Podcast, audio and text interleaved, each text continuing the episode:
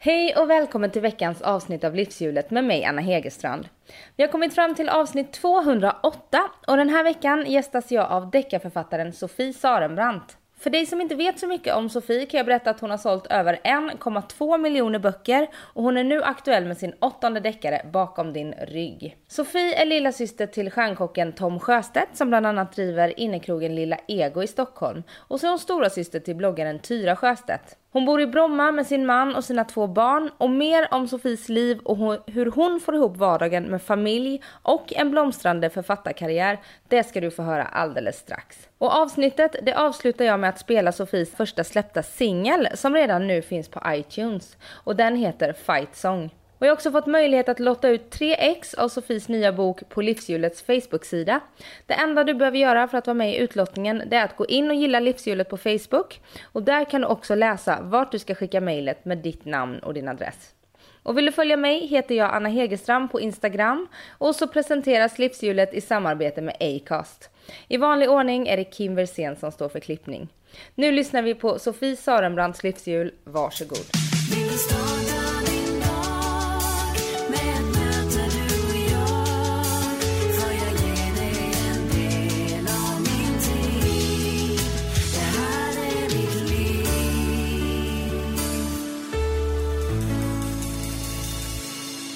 Välkommen Sofie till Livshjulet. Tack så mycket. Nu håller jag på att välta mikrofonen här. Härlig start. ja, verkligen. Det är måndag morgon. Är det tidigt? Klockan är ju typ tio. Är det tidigt på morgonen för dig? Nej, absolut inte. Jag går upp med barnen varje morgon vid eh, sju ungefär. Mm. Mm. Så det blir nästan aldrig någon sovmorgon för mig. Nej. Min son har börjat vakna fem. Men han sover i alla fall? ja, ja, det gör han. Han sover hela natten och sen så vid fem, kvart över fem sådär, då är det då är det uppstigning. Så nu är det liksom eftermiddag för dig kan man säga? Ja men typ. Det är därför jag var tvungen att ha mitt kaffe. ja, vi, vi hade ju barn som inte sov alls eller vaknade om vartannat hela nätterna. Så att eh, ja, sova ända till fem, det är ändå lyx. Mm. Fast jag förstår att inte du tycker det. Men, men eh, ja, det var tufft där med barn som inte sov. Mm. Och idag så är dina barn 13 och 8, stämmer det? Nej, 12 mm, och 10. 12 och 10? Titta vilken bra research jag har gjort. Undrar var jag har fått det ifrån. Jag har ju gått igenom din eh, eh, artiklar och sådär och så försöker man liksom plussa på. Den här artikeln var från 2010 och då måste ju barnen ha blivit så gamla nu liksom. Ja, men hur gammal tror du jag är då? Det här är jättespännande. Ja men det vet jag faktiskt. Du är 39. Ja, Du fyller 40 i, eh, ja, nästa år i januari. Det är helt januari. rätt. Exakt. Ja. Mm. Vad, vad, känner du som 39? Det där med ålder. Ja, men det där är lite lustigt med ålder för att jag började i skolan ett år tidigare. Mm.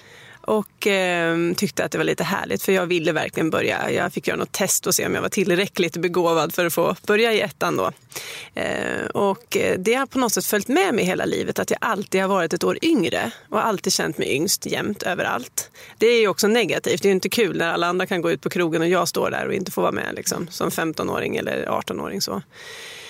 Men eh, nu är jag ju inte längre så ung, men jag uppfattar mig fortfarande som yngst. Förstår du? Mm. Det är för något som det sitter i. Ja. Så det kan bli en liten chock när jag inser att ja, men så himla ung är jag inte längre. Jämfört med vissa då. Känns det jobbigt eller känns det som att du kommer, har kommit ikapp din ålder? Ja, men mer kanske att jag har mognat i det och det är på något sätt är lite skönt också. För att, att vara ung är ju alltid så här, man ska bevisa sig och visa att man kan och klarar saker och sådär. Nu känner jag inte riktigt det längre i alla fall. Det är alltid något. Men det är klart att fylla 40 och sådär, jag har eh, inte tänkt så mycket på det. Jag har tänkt tidigare att en livskris kanske man får, eller en sån här 40-årskris om om man till exempel då är orolig för att inte få barn och inte ha några barn än. Eh, eller inte hittat någon att leva sitt liv med och så. Men, men det har ju jag så att jag tänker att jag kanske inte får någon 40-årskris. Men det kanske jag får ändå. Vi får se. Vi får höra om några månader igen. Ja men exakt. Ja. Men, eh, men Ja, precis. Att, att inte ha hittat rätt i livet kan ju, kan ju vara liksom sådär ligga till grund för att, att, man tycker det är jobbigt. Men när man kikar på ditt liv utifrån så känns det som att eh, alla pusselbitar ligger på plats. Ja, och där kan jag tänka mig att livskrisen säkert också kan komma egentligen. Bara, Oj, var det här livet jag ville leva och så kan säkert många tänka. Så jag tror inte att man är fri från en 40-årskris ändå, eller när krisen nu än kommer. Jag vet inte om den är kopplad till ålder egentligen. Tror du det? Nej, eh, men ålder är ju en bra grej att hänga upp den på. Exakt, exakt. Men Sant. är din man äldre än dig? Ja, det är han. Han är född 71 och jag 78. Ja, okej. Okay. Ja. Fick han en 40-årskris då? Han började nog springa, eller springa, han började göra Ironman och sådana saker ungefär kring 40-årsåldern tror jag. Och det har ju hållit i sig så det är en väldigt lång kris för honom i så fall. Och en ganska positiv kris tänker jag. Ja, både och sådär. Det kräver ganska mycket träning och så. Men han är en för detta elitidrottare så att han har det där på något sätt i kroppen. Så han tränar nog minst av alla som faktiskt gör sådana typer av lopp. Mm. Skulle jag säga. Eh, så han är inte hemma så otroligt mycket som man skulle kunna tro. Men då passar det bra att du har ett jobb som, där du kan vara ganska flexibel. Ja, verkligen. Jag är ju ofta hemma och kan vara hemma och ta emot barnen när de kommer hem från skolan och sådär. Och jag finns där nästan hela tiden när det inte är lanseringsperiod och jättemycket för mig att göra och resor och så. Men, och det tycker jag är så himla skönt. Jag börjar känna mig mer och mer som eh, tjuren Ferdinand. Jag älskar att vara hemma. Mm. Men just nu så är du i en lanseringsperiod. Ja, just nu är jag inte hemma tror du skulle säga. Ja, nej, inte heller. Hela vägen vid Stureplan, det känns lite läskigt. Eh, ja, precis. Lanseringsperioden är precis eh, nu ja. Och eh, det är ju väldigt kul när boken är skickad till tryck och man äntligen kan pusta ut lite grann. Det är verkligen ett hårt jobb med en bok. Mm. Eh, det blir nästan, jag, jag, tänker så här, det här är åttonde boken. Det borde bli lättare skulle man kanske tro. Mm. Men någonstans är det så att ju mer man lär sig av ett hantverk desto svårare blir det. Det är nästan som man kan få ångest bara av att börja skriva för att försöka undvika alla missar och så. Så jag, jag, tycker att det har varit en tuff skrivperiod, eh, framförallt redigeringsperioden. Så eh, nu blir det ju lite det här äntligen att få glädjas lite faktiskt av att boken kommer till slut. Känner du dig nöjd när du eh, skickar liksom en bok slutgiltigt? Känner du dig nöjd då eller eh, har du den här gnagande känslan i kroppen att det skulle kunna Nej, men då har vi faktiskt eh, fördelen med att jag jobbat så hårt är att jag, vi har vridit det så många varv fram och tillbaka och känner att jag kunde inte gjort bättre än så här och jag är otroligt nöjd med slutresultatet. Även om det är så med alla texter att allt går ju alltid att förbättra. Men man måste bara sätta punkt till slut och bestämma sig att nu nu är det fair enough och eh, vi har förhoppningsvis inga stavfel eller tråkiga avstavningar för det är ju på den nivån det handlar om på slutet. Då är man ju inte inne och petar i intrig och karaktärer och så utan då handlar det mer om språkligt. språkliga saker. Mm. Mm. Och du eh, författardebuterade 2010. Eh, det stämmer. Då mm. var du 32. Ja, det kanske jag var. Ja. Ja. Är det, ser du det som sent eller tidigt? Ja, hade jag fått som jag hade velat, ja. då hade jag ju debuterat betydligt tidigare. För jag blev ju väldigt sugen då på att skriva en bok när jag var gravid med min första dotter. Och hur gammal var du då? Ja, ja hur gammal jag var kommer jag inte ens ihåg. Men eh, hon kom ju 2004. Mm. Nu får du räkna lite matte under tiden som jag pratar. Ja, men precis. Ja, men hon är ju, ja, 13 år sedan. Du var ju 26, eh, 27 där. Ja, någonting sånt. Ja. Eh, men då gick det inte så bra som vi hade trott. Men det, on, alltså, med, bo, med att skriva? Med att skriva. Mm. Nej, men med att få boken utgiven snarare. Ah, okay. mm. Så att eh, jag hade gärna velat få boken utgiven tidigare. Men det var jättesvårt att få ett eh, bokkontrakt faktiskt. Jag eh, gick ju in i det här projektet med någon slags glädje och eh, alltså jag var härligt naiv, så ska jag säga. För det är ändå lite positivt ibland att vara naiv. Annars gör man ju kanske inte vissa saker om man har för mycket respekt. Då slutar man innan man ens har försökt på något sätt. Mm. Och jag gick in i det här med liksom härlig kämpaglöd och nu ska jag skriva en bok och det, ja, förlagen ska få slåss om den, ungefär så. Hade det varit en dröm då sen du var liten? Nej, det kan jag faktiskt inte säga egentligen. Jag skulle bli ryttarinna, tävla i hoppning.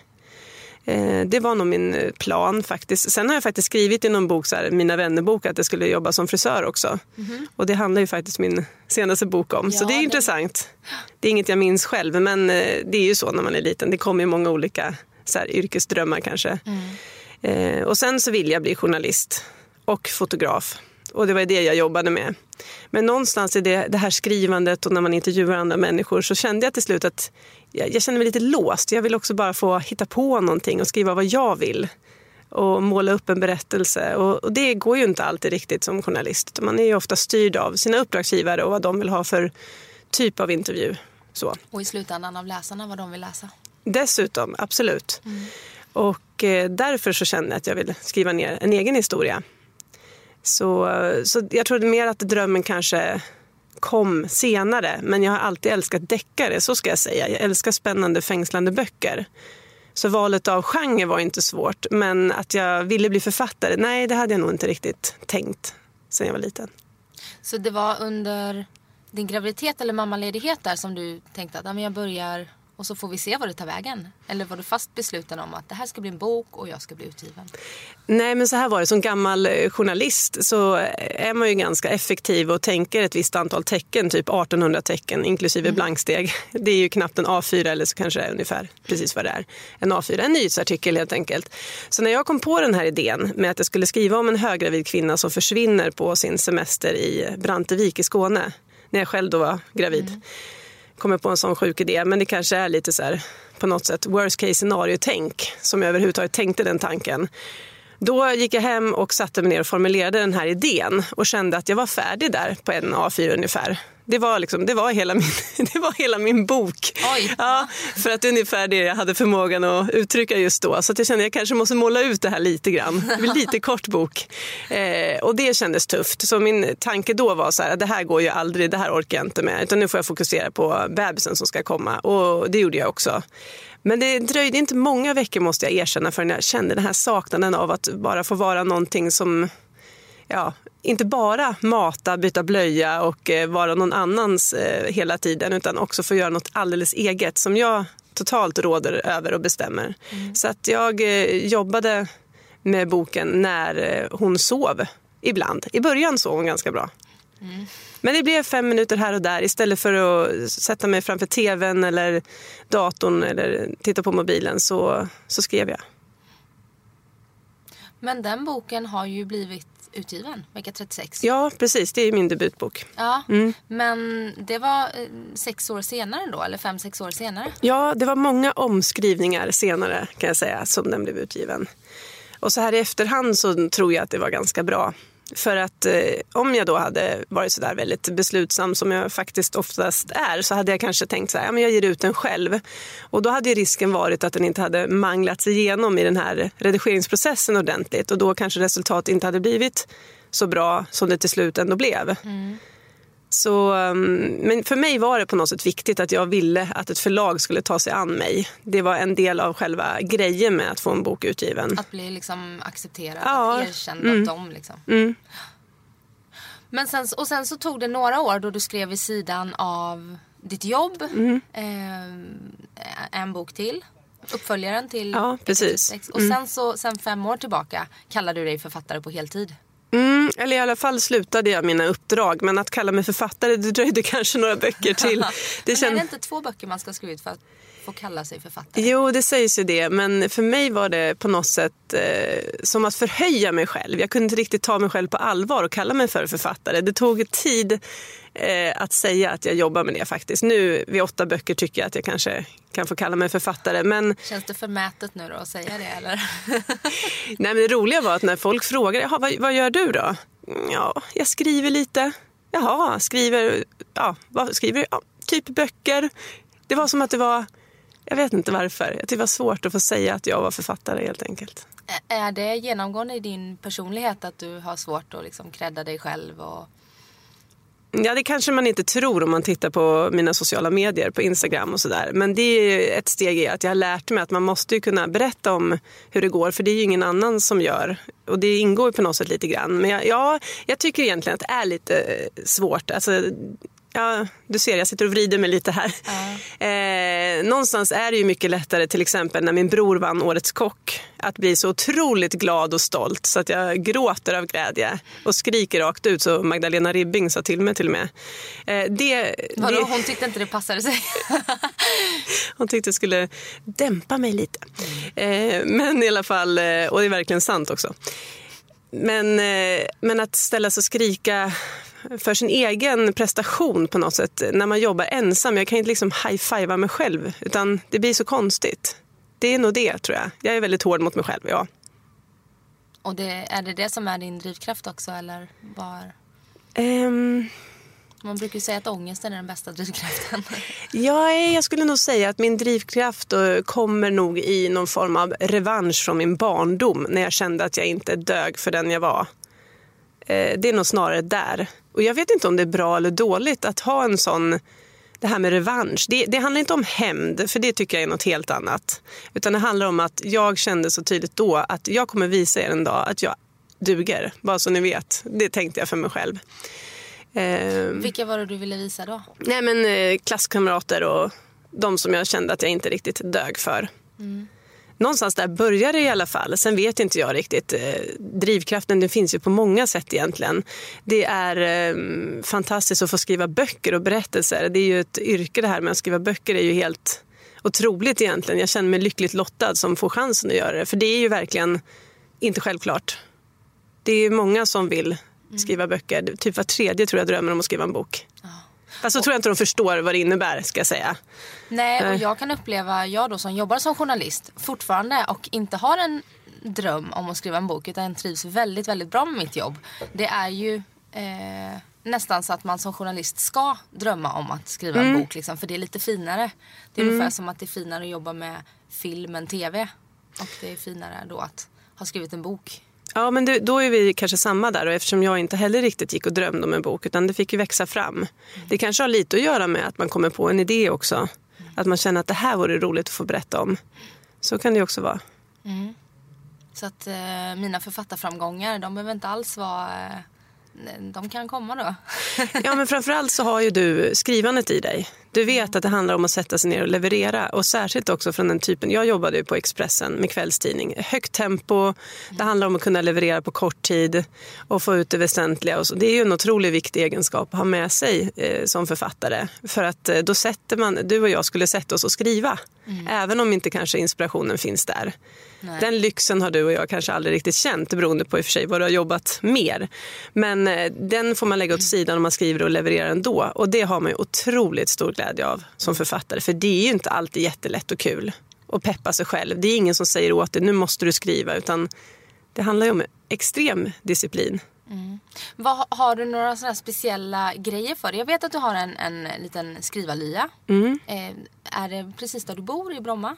Ja, det är eh, i Stora Mossen där. Koloniträdgårdsföreningen som de har massa små söta hus. Eh, har du varit där? Nej. Nej, jag har inte.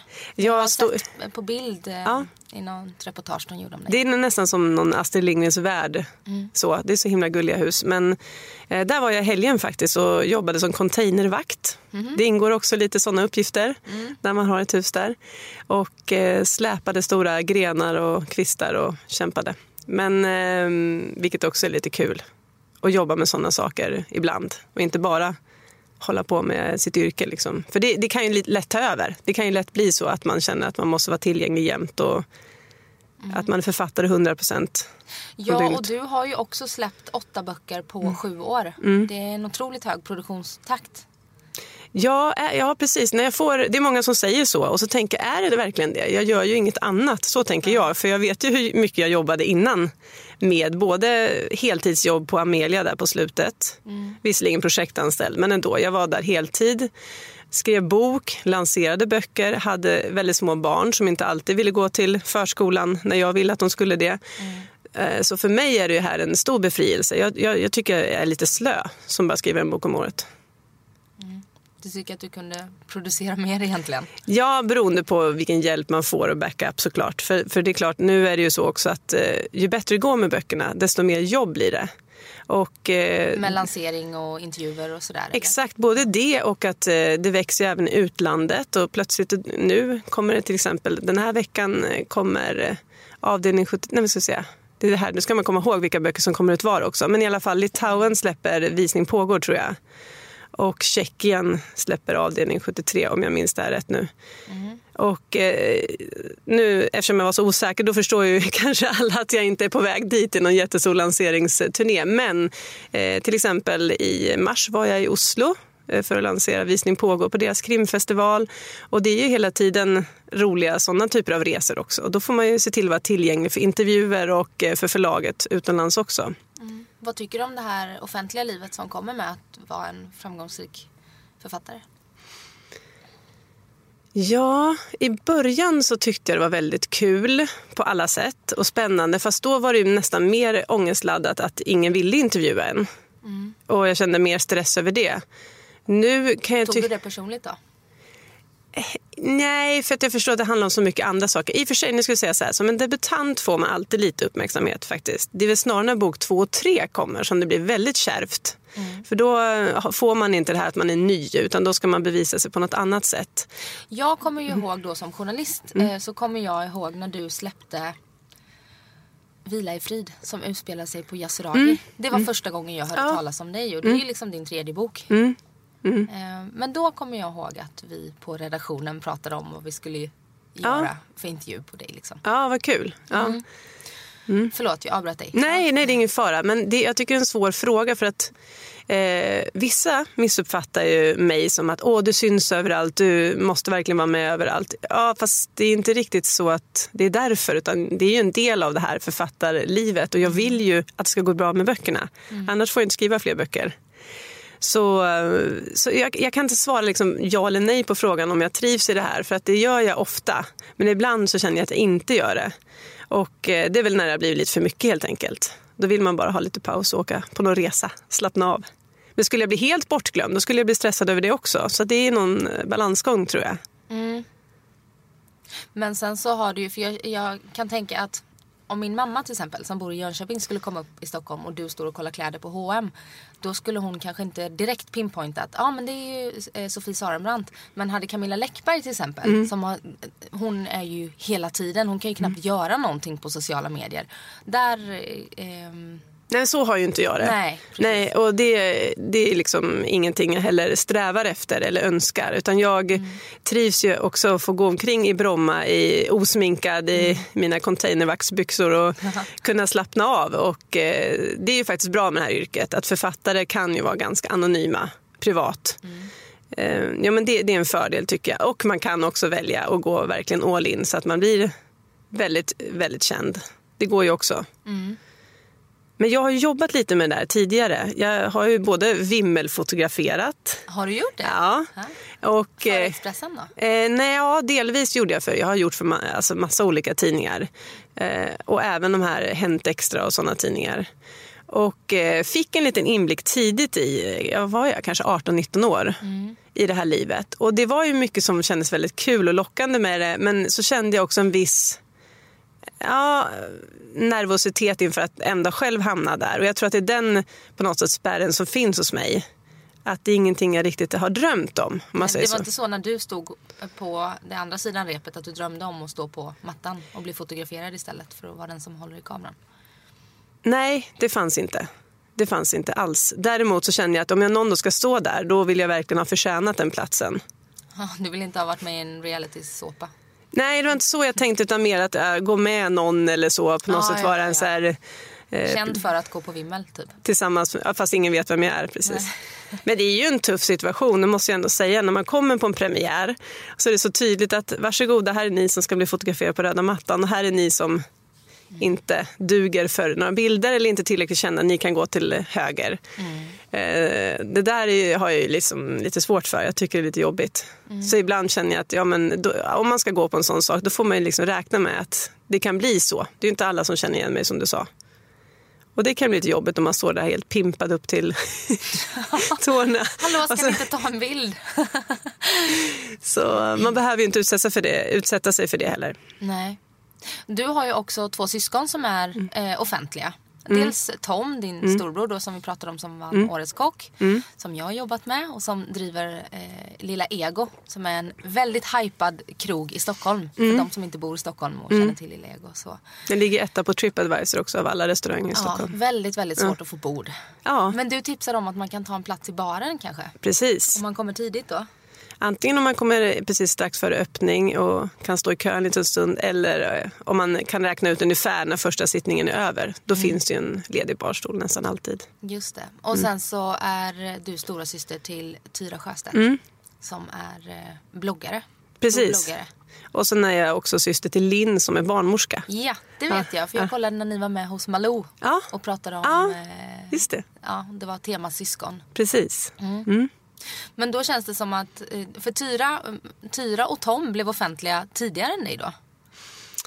Ja. Eller Tyra i alla fall. Ja, Tyra i alla fall. Eh, nu kommer inte jag ihåg. I och för sig, Tom han vann Årets kock 2003 eller? Jag vet inte riktigt. Nej, var det så tidigt? Var det 2008 kanske? Ja, det var det. För jag jobbade med honom 2006 och då var han souschef på Pontus ja. Då hade inte ens eh, kökschefen Tommy Myllymäki vunnit Årets kock. Okej, okay, då vann han kanske 2008. Mm. Ja, ja, jag har inte riktigt ordning på allt men det kan mm. vara så absolut eh, att det stämmer det du säger. Mm. Du har nog bättre koll än jag. Finnen, kan ni prata om det här liksom att, för Tyra har ju dragit sig tillbaka lite. Hon är fortfarande mm. en stor bloggare. Men eh, hennes blogg har ju ändrat inriktning mm. ganska mm. mycket. Mm. Eh, men kan ni ändå liksom bolla det här att eh, eh, ni alla är i offentligheten? Ja, vi är ju det på väldigt olika sätt egentligen. Mm. Så att vi, det är också väldigt skönt. Vi har aldrig konkurrerat på något sätt med varandra eftersom Tom är kock och Tyra bloggare och jag författare. Så att, eh, nu sa jag författare, hörde du? Ja. Det var duktigt. Bra, ja. efter åtta böcker och en, en miljon sålda böcker va? Mer måste Ja, då är man verkligen... Då är man författare. ja, så att, eh, jo absolut. Vi, vi har haft mycket glädje av varandras kunskaper. Egentligen kanske inte så mycket om offentligheten så, utan mer om det kreativa. Mm. Och eh, Tom gör ju till exempel kokböcker också. Då har vi pratat bokbransch och han jobbar lite med tv, jag med. Då kan man diskutera sådana saker. Men inte så mycket där egentligen med offentligheten så. Nej. Nej. Och vad skulle du säga, eh, om man inte vet så mycket om dig. Du bor ju i Bromma mm. tillsammans med din man Tommy. Mm. Eh, och ni har varit ihop i 17 år. Mm. Eh, och har två barn. Mm. Mm. Och, och ehm, du är född i Bromma, visst är du? Och sen flyttade ja. ni till en stor gård. Precis. I Östergötland. då var jag bara två och ett halvt så jag minns ju ingenting av eh, Norra Ängby där vi bodde i början. Nej. Ehm, men eh, så flyttade vi till en gård och eh, pappa gjorde om en lada till en fotostudio och jobbade som fotograf parallellt med att han var bonde. Mm. Och eh, mamma är grafisk formgivare och eh, jobbade, alltså båda jobbar ju mest hemifrån. Eh, om de inte gjorde några såna reportage utanför. Men de var väldigt ofta där. Men de var väldigt upptagna också. De jobbade ju hårt som egna företagare. Mm. Så därifrån kommer nog lite av den här driftigheten.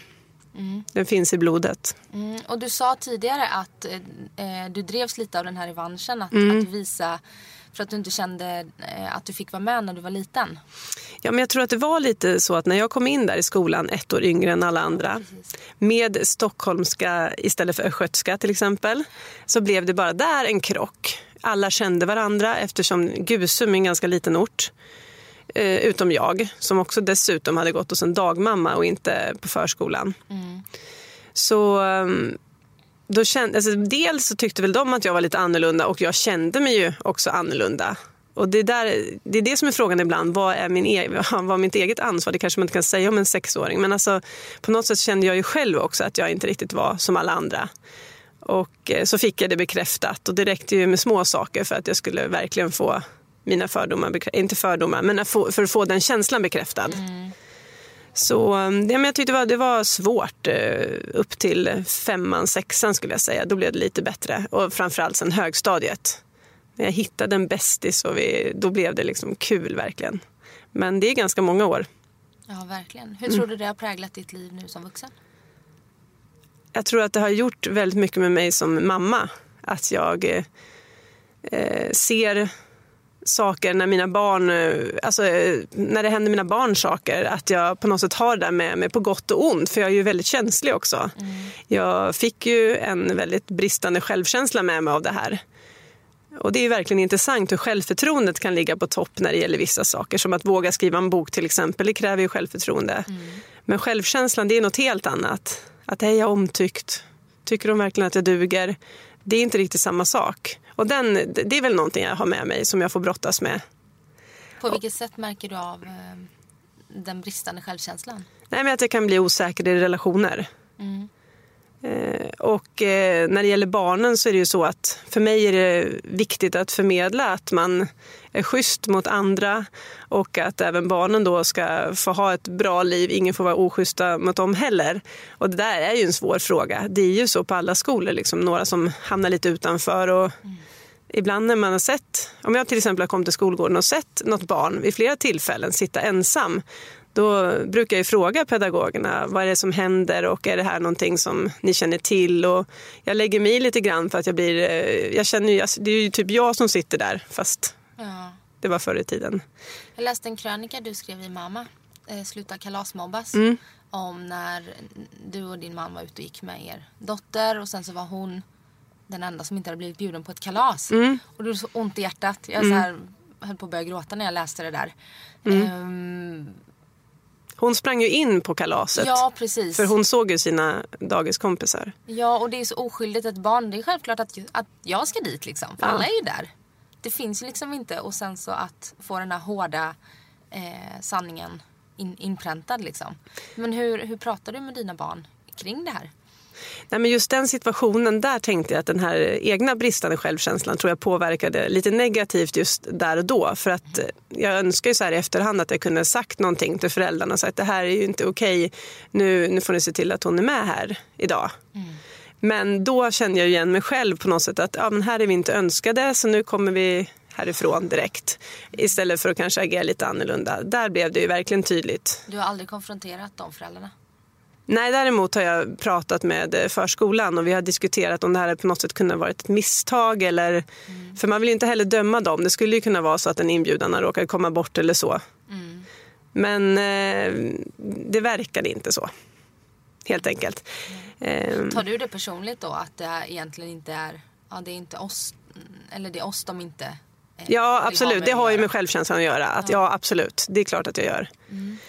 Då undrar jag, för, för du eh, bor i bor i Ålsten i Bromma? Mm, mm. Ja, och jag var ju ute där här för någon vecka sedan och gjorde ett reportage. Mm. Och det är ju ett väldigt, det är ett av Sveriges mest privilegierade områden. Det får man ju ändå säga. Eh, och då är ju mina fördomar att det kan vara lite så här eh, uppnäst. Förstår du hur jag mm, menar? Mm. Eh, va, eh, hur upplever du? Det är faktiskt ingenting jag har tänkt på på det sättet. Men jag kan förstå att man tror det. Ja, så feta villor för 15 Feta människor tror du skulle säga. Ja, nej, verkligen inte feta människor. Men, men så stora hus ja. eh, som kostar liksom, som inte många har råd att köpa. Ja. Hur mycket man än jobbar. Ja, jo, precis. Eh, beroende på hur mycket lån man kan ta. Liksom. Exakt. Ja. ja. Men eh, Nej, men vi, jag och Tommy kom ju lite som outsiders. Vi har ju jobbat oss upp och köpt bostadsrätt inne i stan och lyckats eh, köpa där i Ålsten ett radhus från början och sen en villa. Mm, det är bostadskarriären som har tagit er dit? Ja, det kan man säga. Mm. Verkligen. Men också inkluderat massa chansningar på vägen. Vi köpte saker vi inte riktigt hade råd med egentligen och på den tiden kunde man ju det. Nu är det mycket svårare med bostadslån på det sättet. Men i alla fall, eh, så vi är ju inte riktigt därifrån trakten och därför så tror jag inte riktigt Alltså det är inte många, eh, om man säger så här, det är många som är som vi, som kommer utifrån. Mm. Men eh, jag känner inte, jag känner inte så faktiskt att eh, att det är på det sättet som du... Tyckte du det när du var där eller var det någonting du hade med innan? det är väl bara mina, mina fördomar liksom att eh, eh barnen har de senaste mobiltelefonerna och märkesväskor mm. i skolan när man är 12 år gammal. Mm. Jag har ju bott länge på Östermalm mm. och där har jag ju sett ibland när det mm. kommer 13-åriga flickor med, med väskor för 15-20 000 kronor. Mm. Mm. Vilket jag kan tycka är lite skevt. Ja, ja, precis. Absolut. Och, och då kan, ja, mm. drar jag det till eh, Bromma mm. också då som är en förlängning av Östermalm. Mm. Man ska säga. Och det kan säkert stämma även här såklart. Eh, men eh, medan min inställning är så här att vi köper en billig väska så att skulle du bli av med den så blir det inte lika jobbigt. Tycker jag då som kommer från Gusum. Mm. Eh, men när de kommer hem och säger fast hon fick ju en eh, Alltså säger de inte. Vi, pr vi pratar inte märken mm. överhuvudtaget hemma hos oss. Utan på något sätt har de fått med sig att, eh, eller jag vet inte, jag ska inte säga, jag ska inte slå mig för bröstet och säga att det är tack vare mig på något sätt. Men mm. eh, jag har försökt undvika ämnet så att säga så länge som det går. Och tänker praktiskt och bekvämt och att man hittar väldigt många bra alternativ.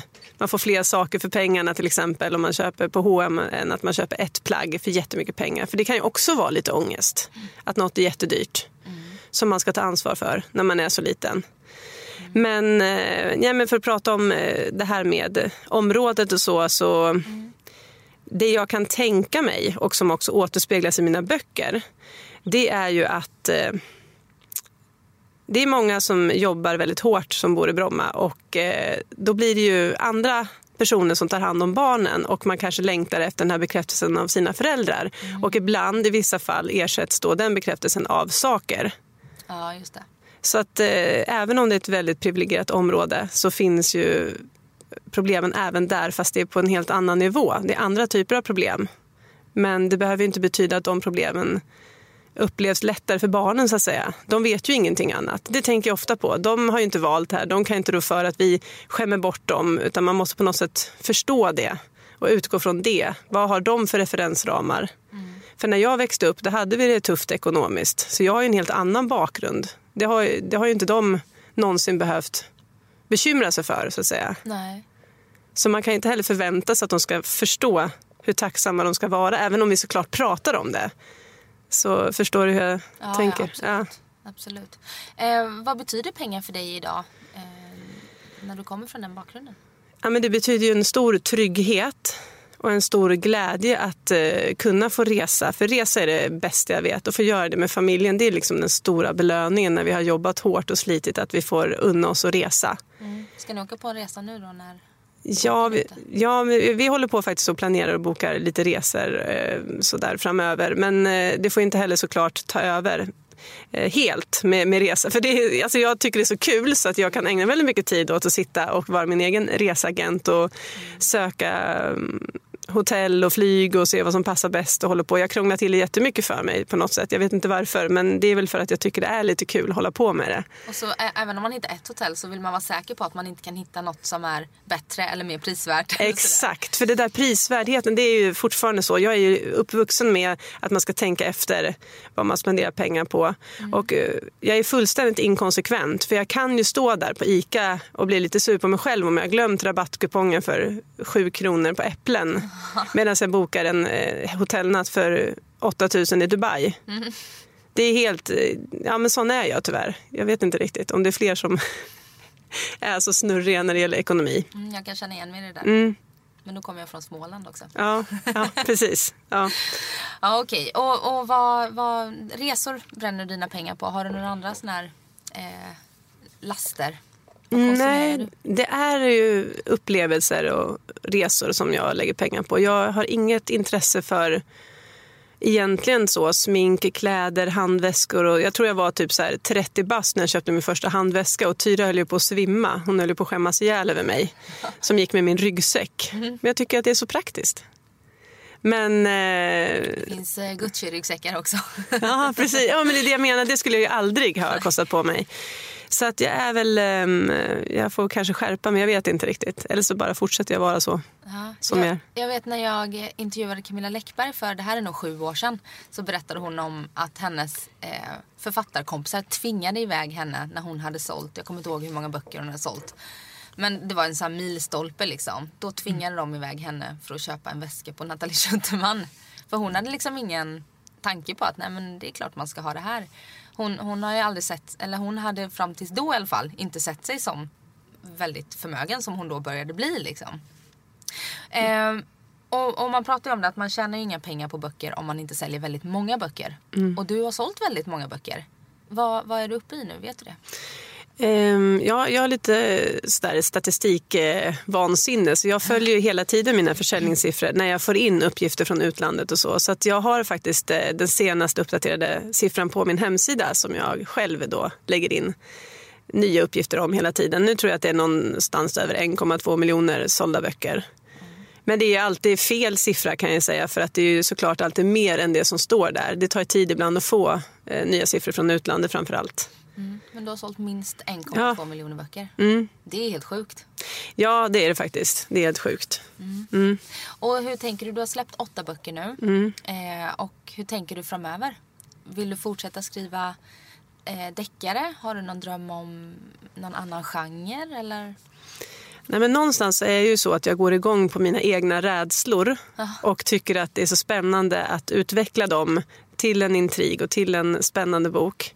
Så jag tror att det är där jag kommer fortsätta. Men absolut öppnar det upp möjligheter att kunna skriva någonting annat även vid sidan om eh, deckarna. Eller som till exempel den senaste är egentligen mer en psykologisk thriller mm. än en klassisk eh, polisdeckare. Så det är ju ett litet steg i alla fall åt sidan från vad jag brukar skriva. Men eh, ibland har jag tänkt så att det skulle vara otroligt roligt att skriva en rolig bok. Mm. Men det känns så otroligt svårt också hur gör man om man ska skriva en bok som, har väl, som andra också tycker är kul? Det är en sak att jag sitter och skrattar åt mina egna skämt men det är inte så lätt alltså, att formulera humor. Nej, komik är svårt. Ja, och det är egentligen mer så här skickligt Marion Keys vattenmelonen-stuket. Så underfundig humor. Eller Jonathan Tropper som jag också älskar att läsa. Mm. Så här briljanta, roliga formuleringar enligt mig. Det känns så otroligt svårt. Jag har väldigt stor respekt för att hon lyckas skriva så pass humoristiskt. Mm. I det mörka och svarta som det är hans böcker. Det är ju inga lätta ämnen han tar upp direkt. Och det är där jag på något sätt blir så imponerad. Och att man lyckas. Det är en utmaning. Mm, vi får se. Blir det en stress att du ska överträffa dig själv hela tiden nu då? Ja, alltså jag känner ju väldigt eh, mycket så att eh, nästa bok alltid ska vara bättre än den förra. Absolut. Upplever du att det har varit så att eh, böckerna har blivit bättre och bättre och bättre och bättre? Ja, jag tycker nog det. Men sen kan det vara så att det är en sak i böckerna som är, råkar just då vara väldigt viktig för mig. Om det handlar om till exempel karaktärerna som jag tycker att jag utvecklar och förbättrar till nästa bok. Men helheten är inte säkert att alla håller med om att det är bättre. Utan jag snör in på något och jag känner att nej, men här vill jag verkligen bli bättre. Mm. Och eh, Så absolut, utmaningen för mig är ju på något sätt att hela tiden leverera snäppet bättre. Mm. Men det är ju upp till läsarna såklart att avgöra vad, vad de tycker. Jag brukar få höra det. Så här, ja, men de blir bara bättre och bättre. Och då med min självkänsla så kommer så här, hur dåligt var det från början? Ja, istället för så här, vad, vad kul. Jag vet, ja. Mm. Mm. Eh, har du gått i terapi eller så där och jobbat med din självkänsla? Jag har varit eh, på coachingsamtal en kort period när jag kände att nu behöver, jag känner mig lite vilsen här i mitt författarliv och, och sådär. Behöver liksom prata med någon om författarlivet. Det var lite svårt för att hon var ju själv inte så insatt i branschen så det, det kändes lite... Alltså av, att prata just av den anledningen var ju lite svårt. Mm. Och få kanske den förståelsen. Eh, plus att jag kände att jag hinner inte riktigt med det här. Men absolut, då kom vi in lite på det här med självkänslan. Så. Men för mig är det väldigt svårt om någon försöker övertyga mig om att du duger som du är. Du behöver inte känna så. För det ändrar ju inte mitt sätt att se på det. Nej, du måste få komma fram till det själv att du duger som du är. Ja, precis. Och det gör jag, alltså jag tycker ju att jag duger som jag är ofta. Men jag kan vara väldigt självkritisk för små saker och det, det är klart där är jag inte riktigt helt fri från det här. Det kan jag inte säga. Nej. Och så undrar jag, du och din man har varit ihop i 17 år. Mm. Ja, hur, eh, hur, hur får man det att överleva så länge? Ja, men, men, vi utsatte oss ju ganska tidigt för en stor bostadsrenovering här oh, inne i stan. Härligt. Vi köpte ett gammalt gårdshus på Kungsholmen som vi renoverade och eh, det var ju faktiskt en tuff prövning måste jag säga. För då märker man ju också hur olika man är. Mm. Eh, och det var väl första sådär stora chocken i förhållandet på något sätt. Även om vi båda ville det här och var positiva så får man ju gå på nit efter nit med hantverkare och hela projektet. Det var tufft på det sättet. Mm. Och sen fick vi två barn som inte riktigt eh, tyckte det var så kul att sova. Eh, det tärde väldigt mycket. Och det är där någonstans jag kände att det kanske avgjordes. Klarar vi, klarar vi av att ta oss igenom det här som ett team eller ballar man ur? Vilket också hade varit förståeligt ärligt talat när man är så slut. Ehm, så någonstans när vi kom över den puckeln och eh, gick vidare och äntligen kunde börja andas lite igen och uppskatta livet så ehm, blev på något sätt förhållandet ännu bättre. Men där tror jag att det kan bli liksom antingen eller för många. Antingen går man sida vid sida ut genom det eller så går man isär. Ja, jag tror att det finns en stor risk att det inte funkar faktiskt. Ja, för sen sadlade ju du också om och började göra karriär som författare under, mitt under småbarnsåren. Ja. Och samtidigt klättrade han och blev vd och blev väldigt upptagen och jobbade väldigt hårt. Så att vi hade ju stora utmaningar och det mycket logistik med saker vi skulle lyckas få ihop. Samtidigt som både jag och framförallt egentligen Tommy kände att det var jätteviktigt att barnen inte fick gå för länge på förskolan. Vi ska gärna hämta dem senast tre. Och det är ju en ganska stor press att sätta på sig själv när båda jobbar hårt mm. och pusslar på det sätt så vi fick till det. Eh, men eh, Nej men det är klart att det inte alltid varit superlätt så. Framförallt har jag känt att jag känner att jag själv inte har varit lätt. Att jag så här, om jag hade varit Tommy så hade jag nog liksom, ja men tack och hej. Mer faktiskt än tvärtom. På vilket sätt har det inte varit lätt? Nej men eftersom man blir så konstig av att inte få sova så tålamod försvinner ju helt och man blir en ohärlig person och känner sig hela tiden eh, stressad och eh, måste brandsläcka allt som vi inte har hunnit göra och sådär. Så tycker jag väl själv att det kanske inte var så kul. Han kanske känner samma, det vet ju inte jag. eller jo, vi pratar jättemycket med varandra, men eh, i vissa perioder handlar det nog mer om det. Alltså, att jag inte är nöjd med hur jag själv har varit. Liksom.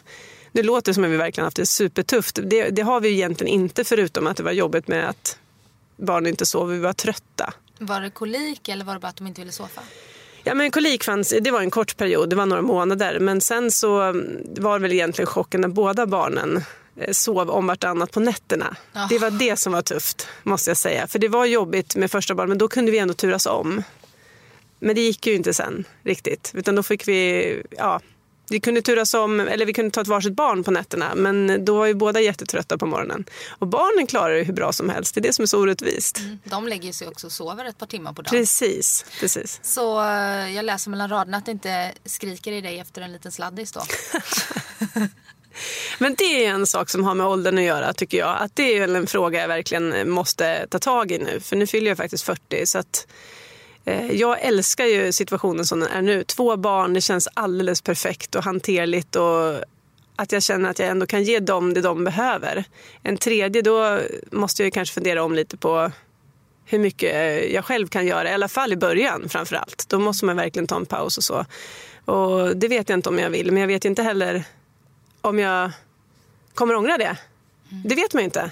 Nej, det är så lätt att sitta och säga eh, när man fortfarande har möjlighet. Mm. Eh, om jag har det, det vet man ju inte. Nej precis, nej, men, men eh, större chans nu än om tio år i alla mm, fall. Mm, mm. Men och sen så när, när de här valen börjar liksom, när det börjar gå mot sitt slut och man mm. inte har kvar valen, det är då man börjar Precis. Bli... Det är det jag menar.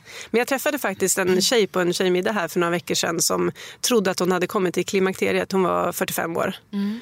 Och sen så insåg hon efter några veckor att nej, hon var gravid. Mm.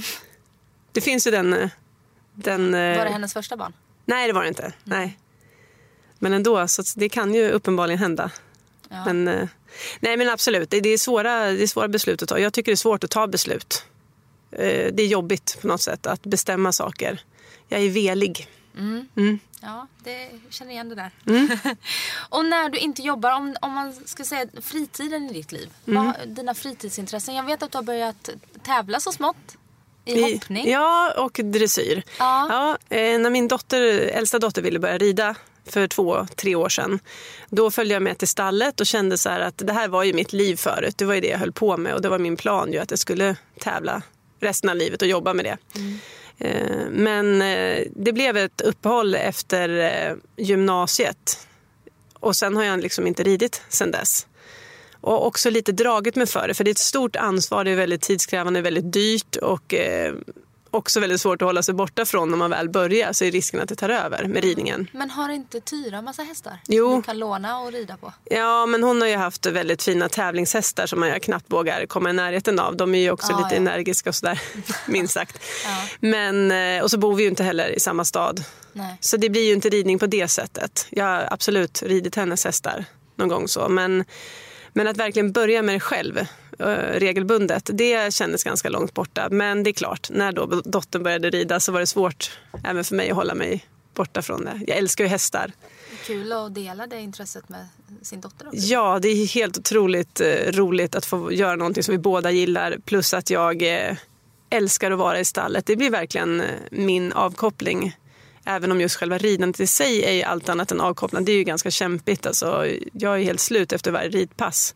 Men att få vara med hästarna, lägga undan mobilen och ja, det är nästan min jag ska säga, mindfulness. Mm.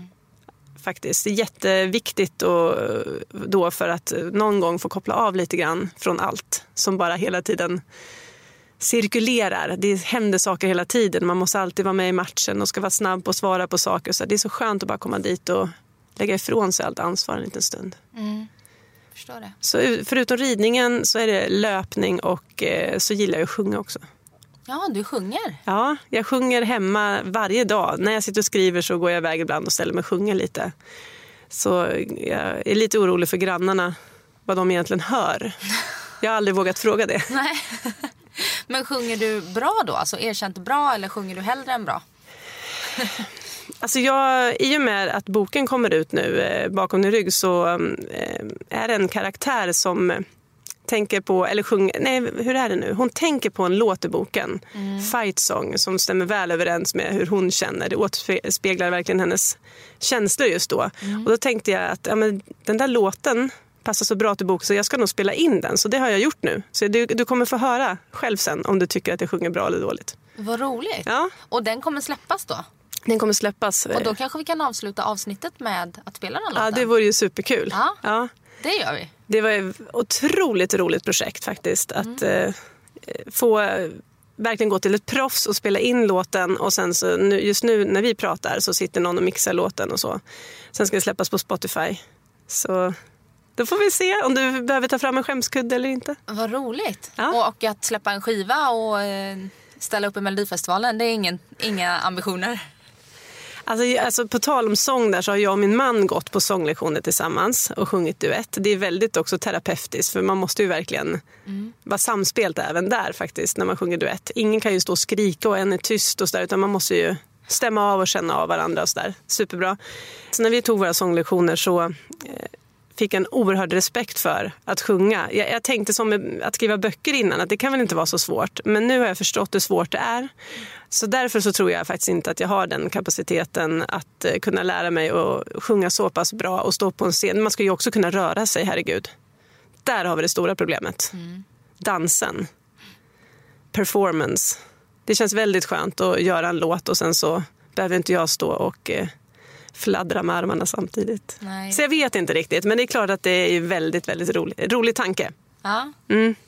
Ja, vad spännande. Mm. Och nu så står vi, sommaren är runt, runt knuten. Vad, vad har ni för planer i sommar? Eller vad har du för planer i sommar? Som vanligt så åker vi till Gotland med eh, Tom och hans familj ja. och barnen.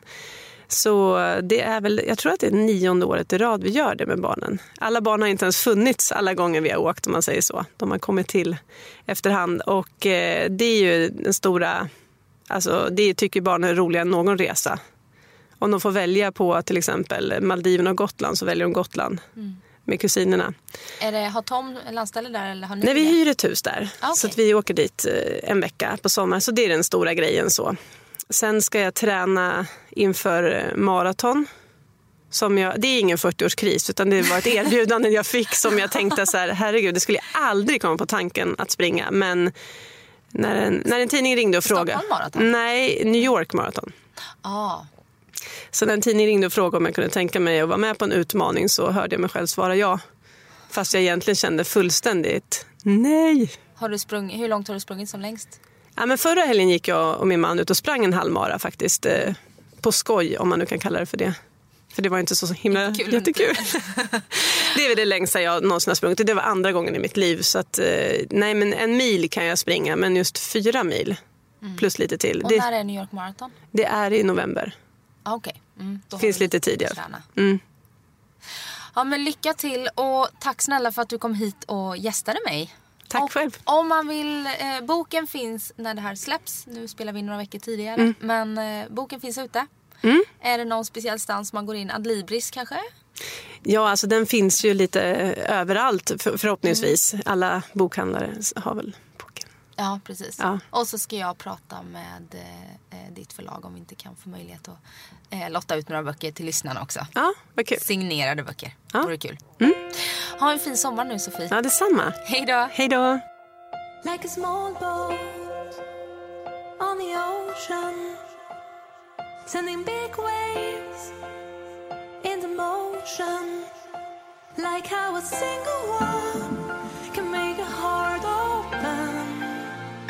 I only have one much That I can make an explosion. And all those things I didn't say Wrecking balls inside my brain. I will scream them loud tonight. Can you hear my voice this time? This is my fight